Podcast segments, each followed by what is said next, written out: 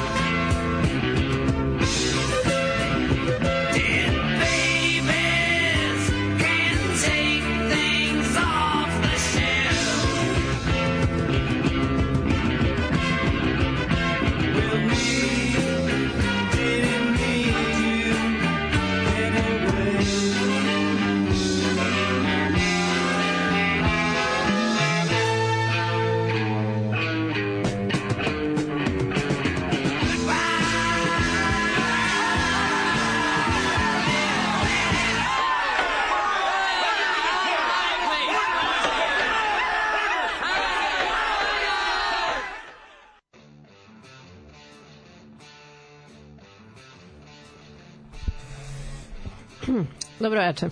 Um, ovako, na sceni su mu odrubljivali glavu, pržili su ga na električnoj stolici, zatim su ga zatvarali, oblačili mu ludačku košulju. U snovima ga konstantno progone džinovske bebe i žene duhovi, a najbolji jedini prijatelj mu je albino zmija, a oslonac u životu je crni štap sa lobanjom na mestu za hvat ruke. I to je tako već punih 60 godina. e sad, ajde dobro, ono najiskrenije nije baš od samog početka bilo tako, ali prilično brzo je tim putem krenulo zbog prvog producenta koji je iste te sve eskapade podržavao. I dok se ovaj kum uh, šok roka, ljubitelj horora Salvadora Dalija i vodvilja, još uvek zvao Vincent Damon Fernier, pre razvoja makabre i teatričkog brenda rock and roll muzike stvorenog da šokira, bio je lead pevač garage rock hard rock benda Alice Cooper, koji je postojao 9 godina i izbacio 7 albuma. E sad, svi vi koji ste ikada, možda čak uh, samo 7 minuta preslušali jednu epizodu moje emisije, znate ono koliko sam ja zaljubljenik u uh, njegov, to jest njihov a, rad i bilo je to pre davnih 90 epizoda, tačnije, znači u 25. epizodi sam a, prvi put govorila samo o njemu, a, individuite sastavu Alice Cooper uz naravno brojna pominjanja u svim te, kako prethodnjima, tako posebno budućim a, emisijama. Danas ću vam a, pričati o Alice Cooper, ali isključivo bendu. Znači, kako, dok su postojali kao sastav od te 64. A, do 75. Iako zvanično to sad ispada kao da je 11 godina, ali generalno nisu oni a, u tom sastavu bili aktivni sve to vreme čak i ako niste preveliki ljubitelj ovog tipa uh, muzike, bit će svakako šarena lista i dosta, dosta interesantne priče. A mi se slušamo 115. put u večernjoj školi rock'n'rolla. Uživajte!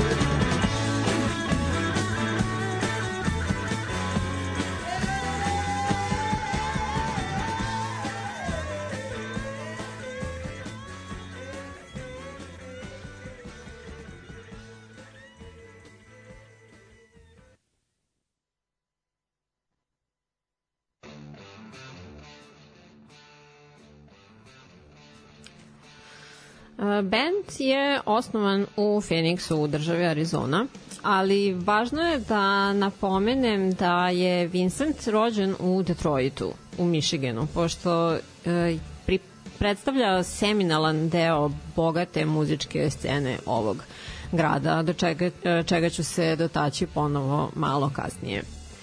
I e, bilo je to u periodu srednje škole kada se preselio u Phoenix i želeo je da učestvuje u školskom talent showu te je okupio drugare sa fizičkog od kojih su dvojica, bitno je takođe da napomenem, Glenn Buxton i Dennis Dunaway da oforme grupu kao muzičku grupu za ovo takmičenje koju su za tu priliku nazvali The Earwigs. Oni su se kostimirali kao Beatlesi i izveli su nekoliko njihovih pesama, ali bilo je to u formi parodije. I publika je tako odlepila i pobedili su na tom takmičenju. I kao rezultat ovog generalno pozitivnog iskustva rodila se ideja za osnivanjem stvarnog benda, za koji su nabavili muzičke instrumente iz zalagaonice, a pošto je Glenn jedini uh, umeo uopšte išta da svira, uh, sve redom, sve njih sve redom je morao da nauči sviranju instrumenta kako god A, I takođe je pisao rani materijal za ovu grupu koju su preimenovali u The Spiders. Oni su bili inspirisani grupama The Who, uh, Kings, Rolling Stones, Beatles i Doors. I tokom iduće godine svirali su redovno po svom gradu sa uh, ogromnom crnom paukovom mrežom u pozadini bine koja im je bila prvi uh, stage prop. I prvi single Uh, Why Don't You Love Me desio se 65. godine i tada oni postaju takozvani kućni band VIP kluba u kom su otvarali nastupe za Kingse, Animalse i Yardbirdse. 66. godine završavaju srednju školu i tada Michael Bruce ulazi u priču kao novi ritam gitarista. I ubrzo počinju često da putuju u Los Angeles na svirke, zatim se preimenuju u Nez, do tadašnjeg bubnjara zamenjuje Neil Smith i do kraja 67. godine se zastalno sele u LA. E, stil života u ovom gradu je uključivao kao česte odlaske u pustinju zbog ovako uopšte zezanja i lova na male pustinske životinje, čega ono, naravno uopšte nisam a, pristalica niti odobravalac, ali ajde, važno je za ovu triviju. pošto se Neil Smith a, Vincentu sasvim slučajno u nekom momentu našao na Nišanu i ove ga je pogodio u, u članak. Srećom, ajde koristili su kao neki malo kalibarski poštolje, šta znam, i okrznuo ga je a, u nogu u, na kojoj dan danas ova ima ožiljak i rado se seća te tineđerske priče. A jednom, kada su se sa još dodatno nekim prijateljima vozili malo nekim većim kombijem po pustinji i vozač je izgubio kontrolu nad vozilom, pa su proklizali šta već pod jakoj brzini i isprevrtali su se tim kombijem četiri puta naznačeno, ali srećom niko nije bio povređen. A, zatim, godine 68. saznaju da je Todd Rundgren prvi već imao grupu naziva Nez, i moraju ponovo da biraju nove ime za svoj sastav. I Vincent je smatrao da ime, novo ime njihovog sastava treba da bude a, pa takozvano gimik, gimiki. Sad objasnit ću, to je kao novotarija, to jest ideja koja je stvorena samo radi privlačanja pažnje, a da nema nužno i neku veliku vrednost. E sad, postoji više verzija porekla odakle je poteklo ime Alice Cooper, a, urbane su legende da su se oni igrali sa onom um, takozvano Ouija board, pa im je tako ispalo to ime. Onda zatim da je Alice Cooper bila zapravo neka veštica iz američkih obskurnih legendi i ostalo, ali a, Vincent je na posledku u jednom intervju rekao da ništa od toga nije tačno, ali da im nije ni mrsko da su se takve a, priče o njihovom imenu pojavile. A, on je želeo da novo ime ne bude mračno, pošto je to nešto što bi se od njih očekivalo. Već naprotiv da zvuči pa kao nečija ona dobroćudna tetka, da bude kao neka slatka američka ženica po PS-u. A, I kada se to desilo, kada su odebrali već ovo ime, njega su počeli da oslovljavaju tako, jer iz nekog razloga podrazumevalo se ako naziv uh, benda predstavlja lično ime i prezime, kao podrazumeva se da se pevač zapravo tako zove. Te se na prvom albumu, na debi albumu grupe, on već oslovljava sa Alice Cooper. A kada je na posledku i legalno promenio ime, detaljnije ću se opet toga kasnije malo dotaći, rekao je da mu je to bio najvažniji i najospešniji potez u muzičkoj karijeri. Dakle, Uh, Alice Cooper ekipa uh, su bili Fernie, Baxton, Bruce, Dunaway i Smith od tog momenta pa do kraja vremena. uh, prvu svirku, kao pod tim nazivom, uh, kada su imali, većina posetilaca je napustila nakon 10 minuta. I na kraju tog fijaska im je prišao menadžer Shep Gordon koji je negativan ishod te večeri video kao kakvu silu koja ih može preokrenuti u pozitivnu smeru. I zakazao im audiciju kod renomiranog muzičara i producenta Franka Zappe, koji je tražio nove bizarne sastave za svoju novonastalu kompaniju uh, zvanu Straight Records.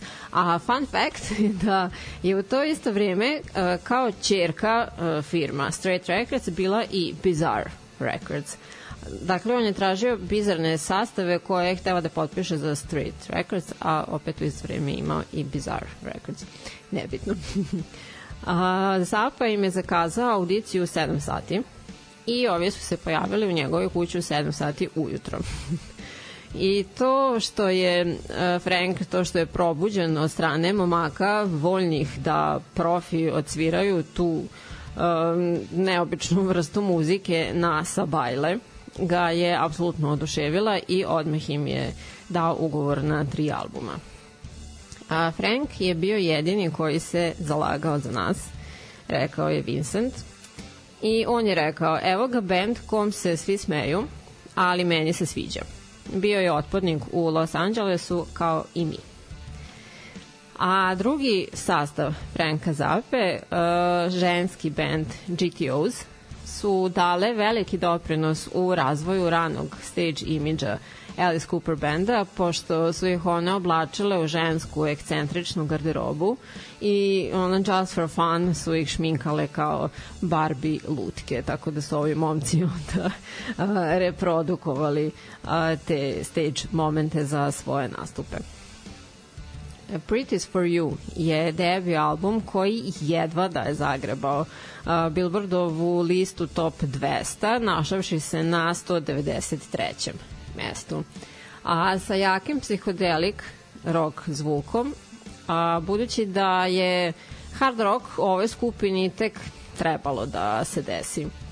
Ono što bi sad a, znalcima ili ljubiteljima na prvu loptu bilo jasno zapravo je koliki je uticaj Pink Floyda, posebno njihovog debija a, na momke iz Alice Cooper, The Piper at the Gates of Dawn a, imao pošto je to jedini album uh, Pink Floyda pod uh, vojstvom Sida Bereta kog je gitarista Glenn Paxton uh, naveo da je mogao satima da sluša bez prekida. Sa tog ostvarenja smo čuli prvu pesmu o bloku Changing Arranging.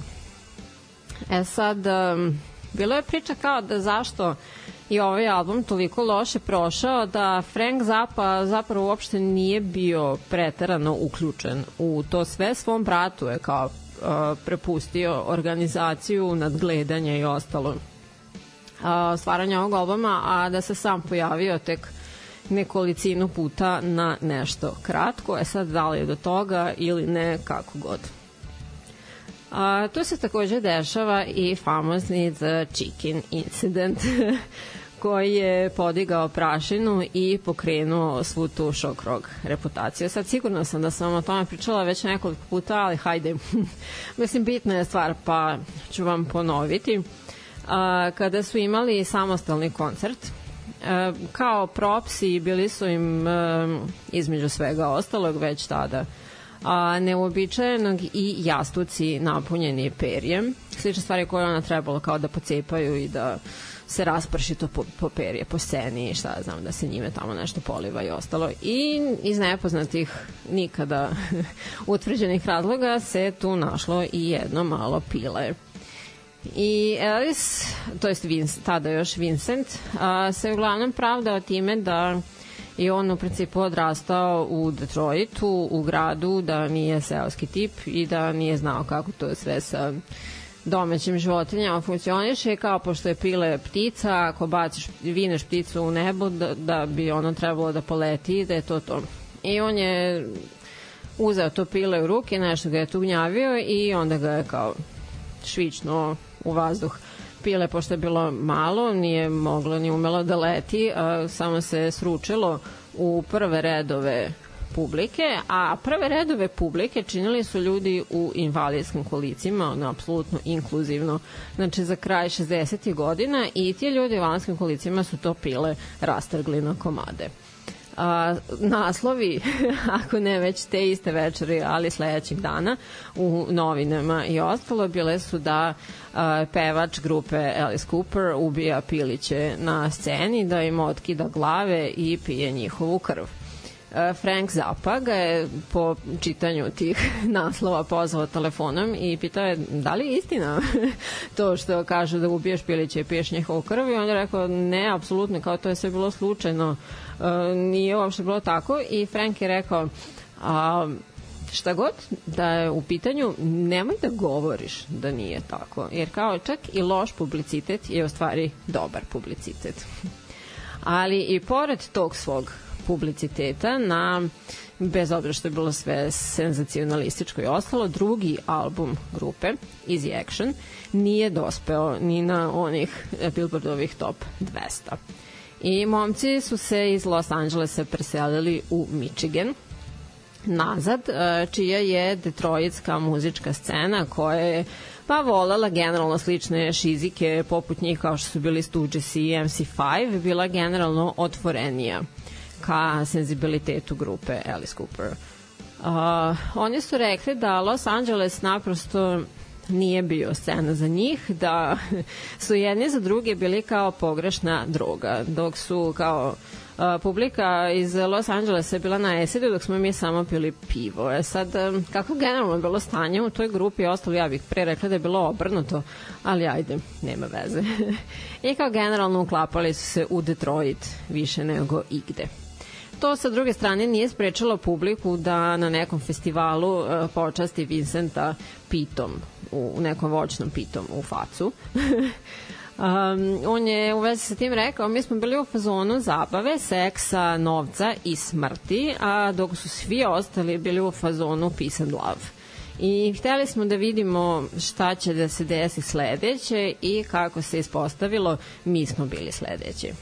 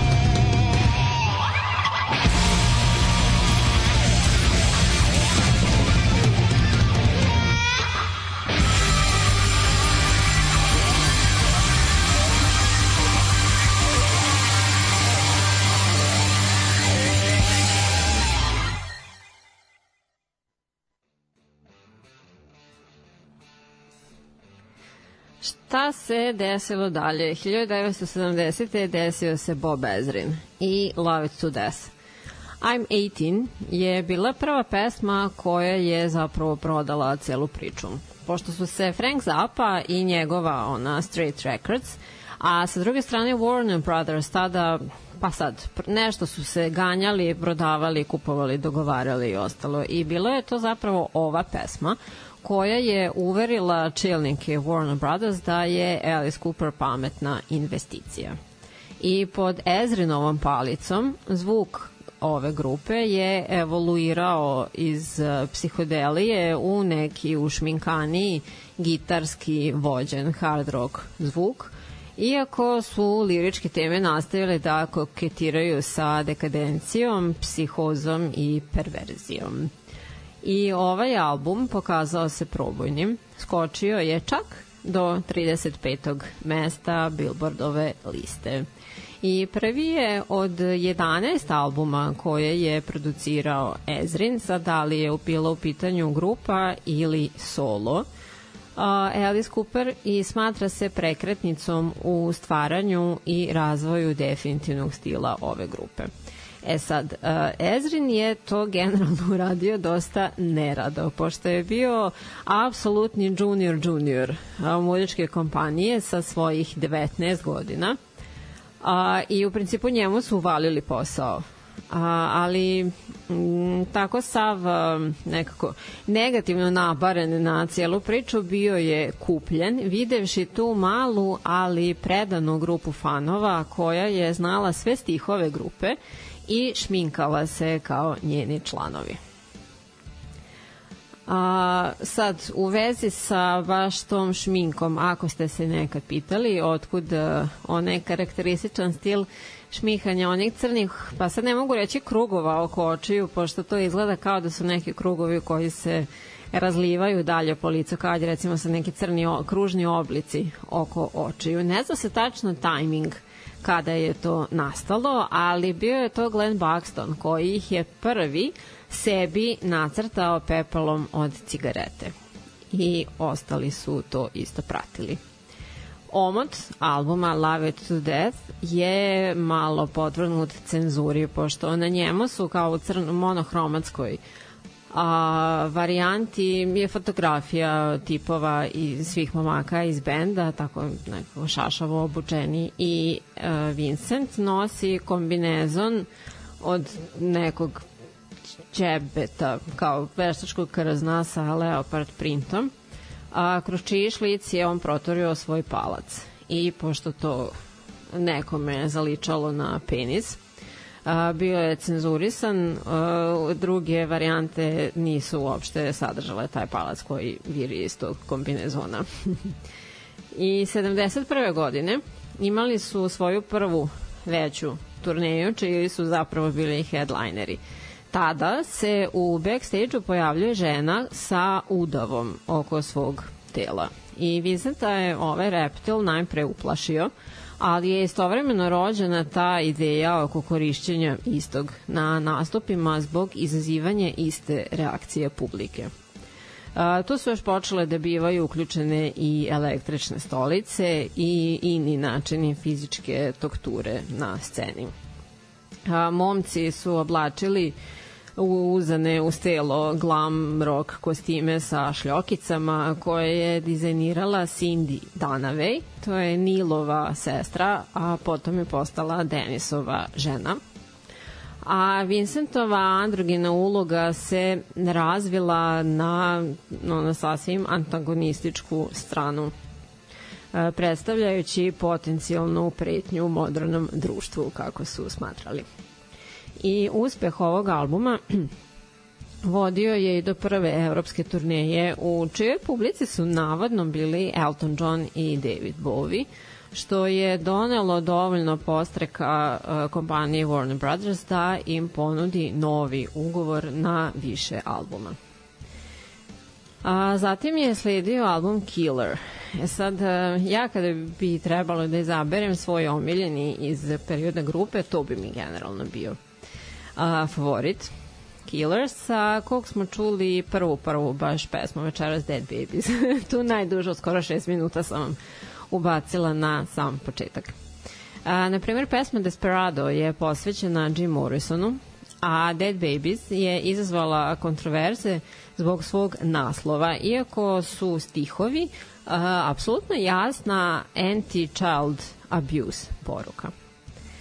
I jedan od komentara muzičkih znalaca u vezi sa ovim albumom je da je to moment kada su oni sastavili sve neophodne delove i vinuli se u muzičke visine.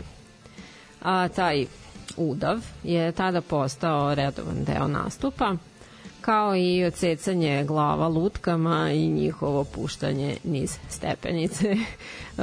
Mislim da svake godine s nastupom nastupi se sve ono ti e, dodatni propsi i momenti za šokiranje su samo rasli i rasli progresivno a leto 72. obeležilo je izlazak singla Schools Out, koji je do danas ostao pečat classic rock radio stanica. Dospeo je do drugog mesta u Americi i prodao se u preko milion primeraka. A Vincentova androgena persona je tada sasvim zamenjena nekom razmetljivošću i mačizmom – Nastavile su se turneje koje su privlačile mnoge mlade fanove, čiji su se pak roditelji, a i uopšte socijalni establishment zgražavali viđenim. I Mary Whitehouse bila je britanska učiteljica i vođa uh, hrišćanske konzervativne kampanje koja je ganjala BBC uh, radio i televiziju da banuje spot za pesmu Schools Out od emitovanja, što jeste uspela, ali to nije sprečilo single da se propne do visina top lista. Za šta su je potom momci poslali gomilu cveća iz zahvalnosti za publicitet koji im je donela. A neobičan omot ovog albuma je dosta a distinktivan i prepoznatljiv, sasvim shodno naslovu. E, Schools Out, on e, je kao, e, kakva kartonska replika školske klupe koja može čak i da se rastvori, kako da kažem, da joj se a, nogice rašire i u principu kako se otvara omot albuma nema onaj uh, džep koji je zatvoren sa svih strana osim sa te jedne, već se otvara kao školska klupa i onda tu se nalazi ploča uh, koja je u ranim izdanjima albuma bila još dodatno umotana u uh, papirne ženske gaćice. uh, kasnije su shvatili da su te papirne ženske gaćice apsolutno zapaljive, pa je to izbačeno iz upotrebe. Ja, na primjer, sam sasvim nedavno a, postala vlasnik jednog takvog albuma i, nažalost, nisam dobila taj komad sa papirnim gaćicama, ali u principu od toga je proizašla čitava ova ideja za a, večerašnju epizodu. A nadalje, 73. godine desio se Billion Dollar Babies, kojim je postao komercijalno najuspešniji album do tada, u čije se naslovnoj numeri kao gostujući vokal našao i škotski muzičar Donovan. Naslov ovog ostvarenja potiče od iznenađenja ovih momaka sve okupnim uspehom koji su postigli I Vincent je uz to dodao da je ideja čitavog ovog albuma eksploatisanje uh, ideje da ljudi zbilja imaju bolesne perverzije u svojim glavama. I on je većinski autor svih numera i Chuck Berry mu je bio najveća inspiracija za njih. E sad, navešću još i da su dominantne teme u stihovima i nekrofilija, seksualno uznemiravanje i strah od zubara. Fun and games, apsolutno. I to da je sa trajanjem od 41 minuta ovo najduži album grupe. A, u ovo vrijeme se a, Glenn privremeno povukao iz njenog operisanja zbog a, zdravstvenih problema.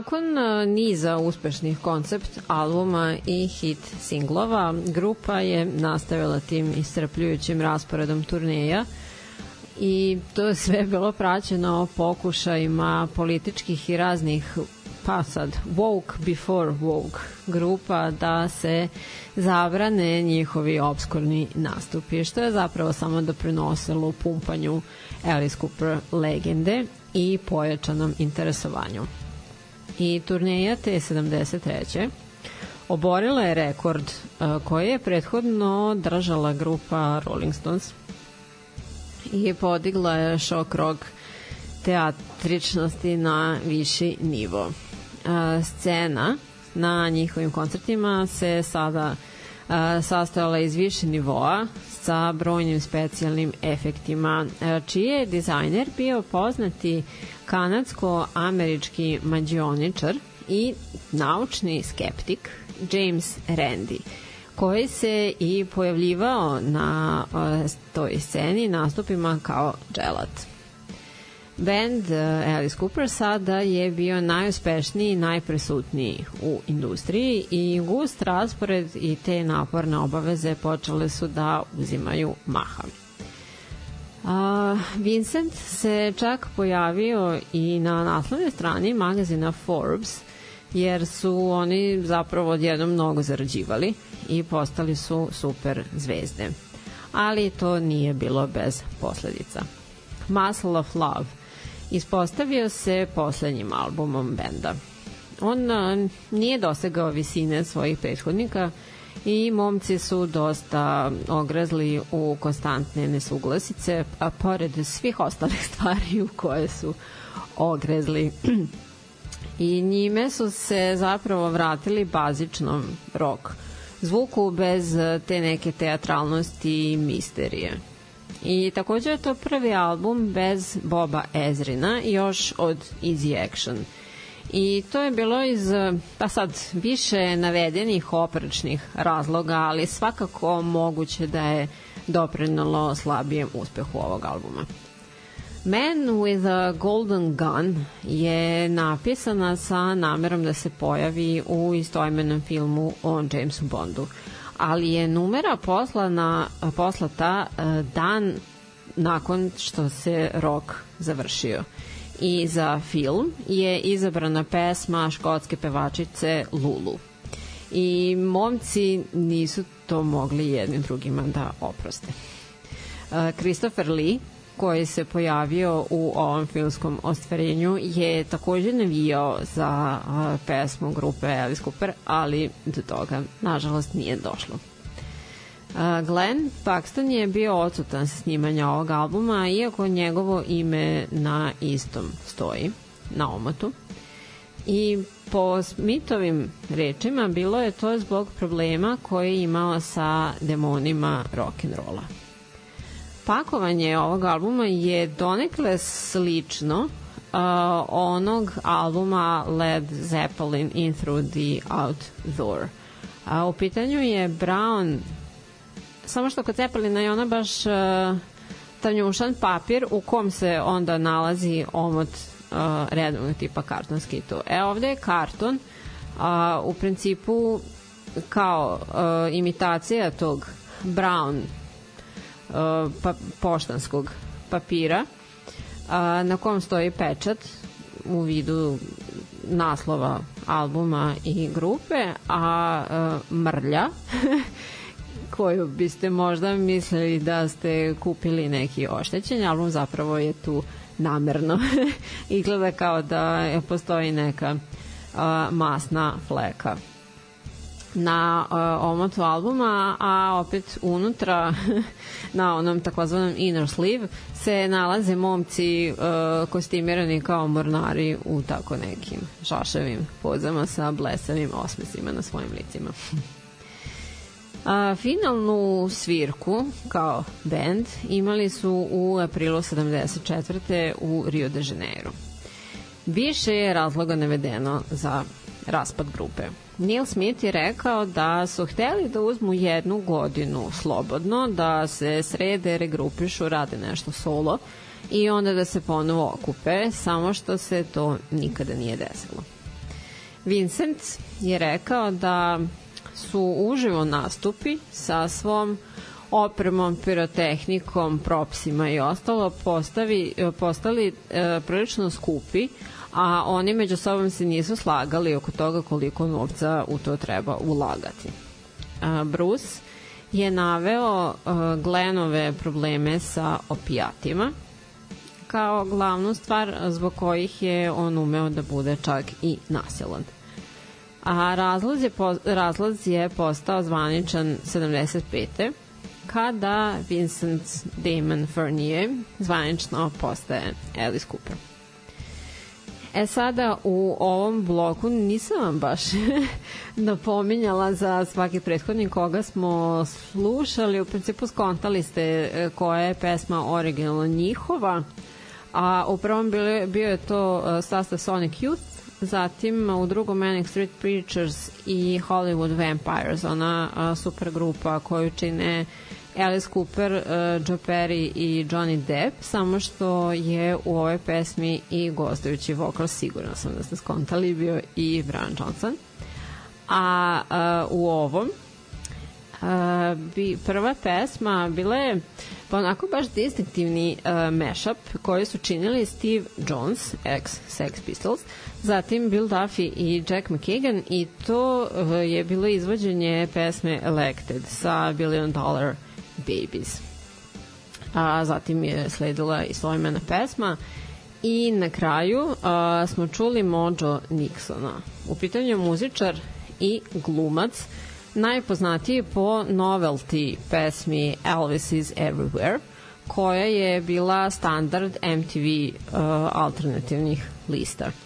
E sad, ja sam za ovog gospodina saznala koliko juče, a malo onako šokantna slučajnost je da nas je on nas napustio pre dve nedelje a kako se spostavilo meni dosta interesantno da je on bio majstor uh, psychobilly i cowpunk muzike pa eto baš ono sretno nesretna slučajnost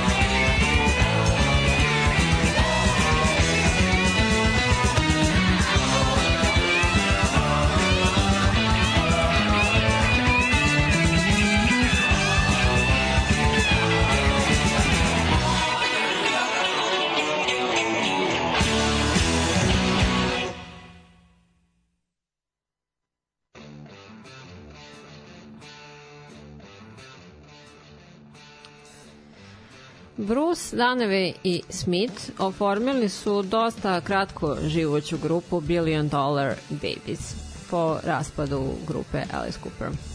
Tokom godina su povremeno svirali jedni s drugima kao i sa Glennom, koji je pa nakon svih poroka sa kojima se borio tokom godina preminuo od upale pluća 97 a sa tada već personom imena Alice Cooper su se prvi put momci ži, živući momci okupili tek 99. godine na drugom Glenn Baxton Memorial vikendu.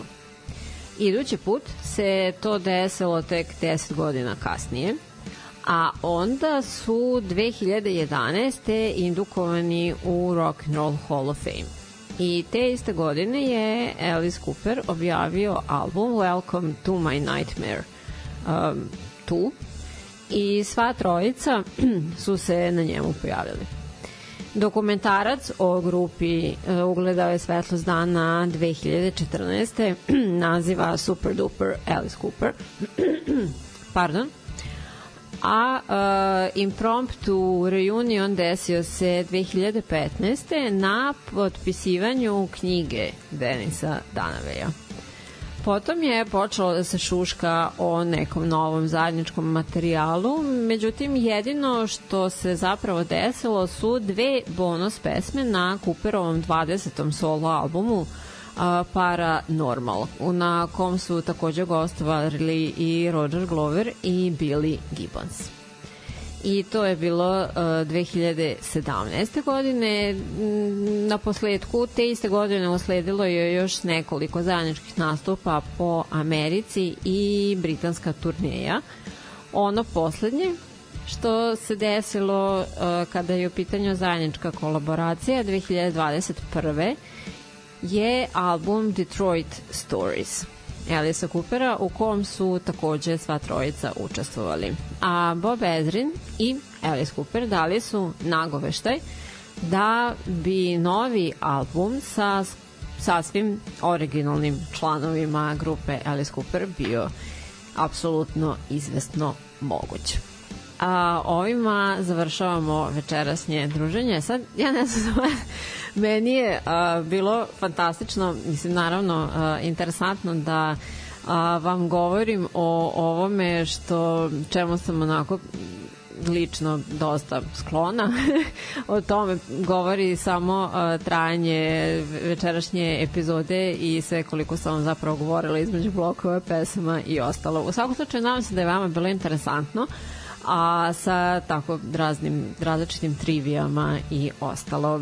A sledećeg utorka ću se takođe družiti sa vama, pričamo nečemu sasvim desetom. A, slušajte me ponovo. Do tada me svakako možete podržati na Patreonu i na Paypalu. Hvala vam na slušanju za večeras i do sledećeg nedelje. Ćao!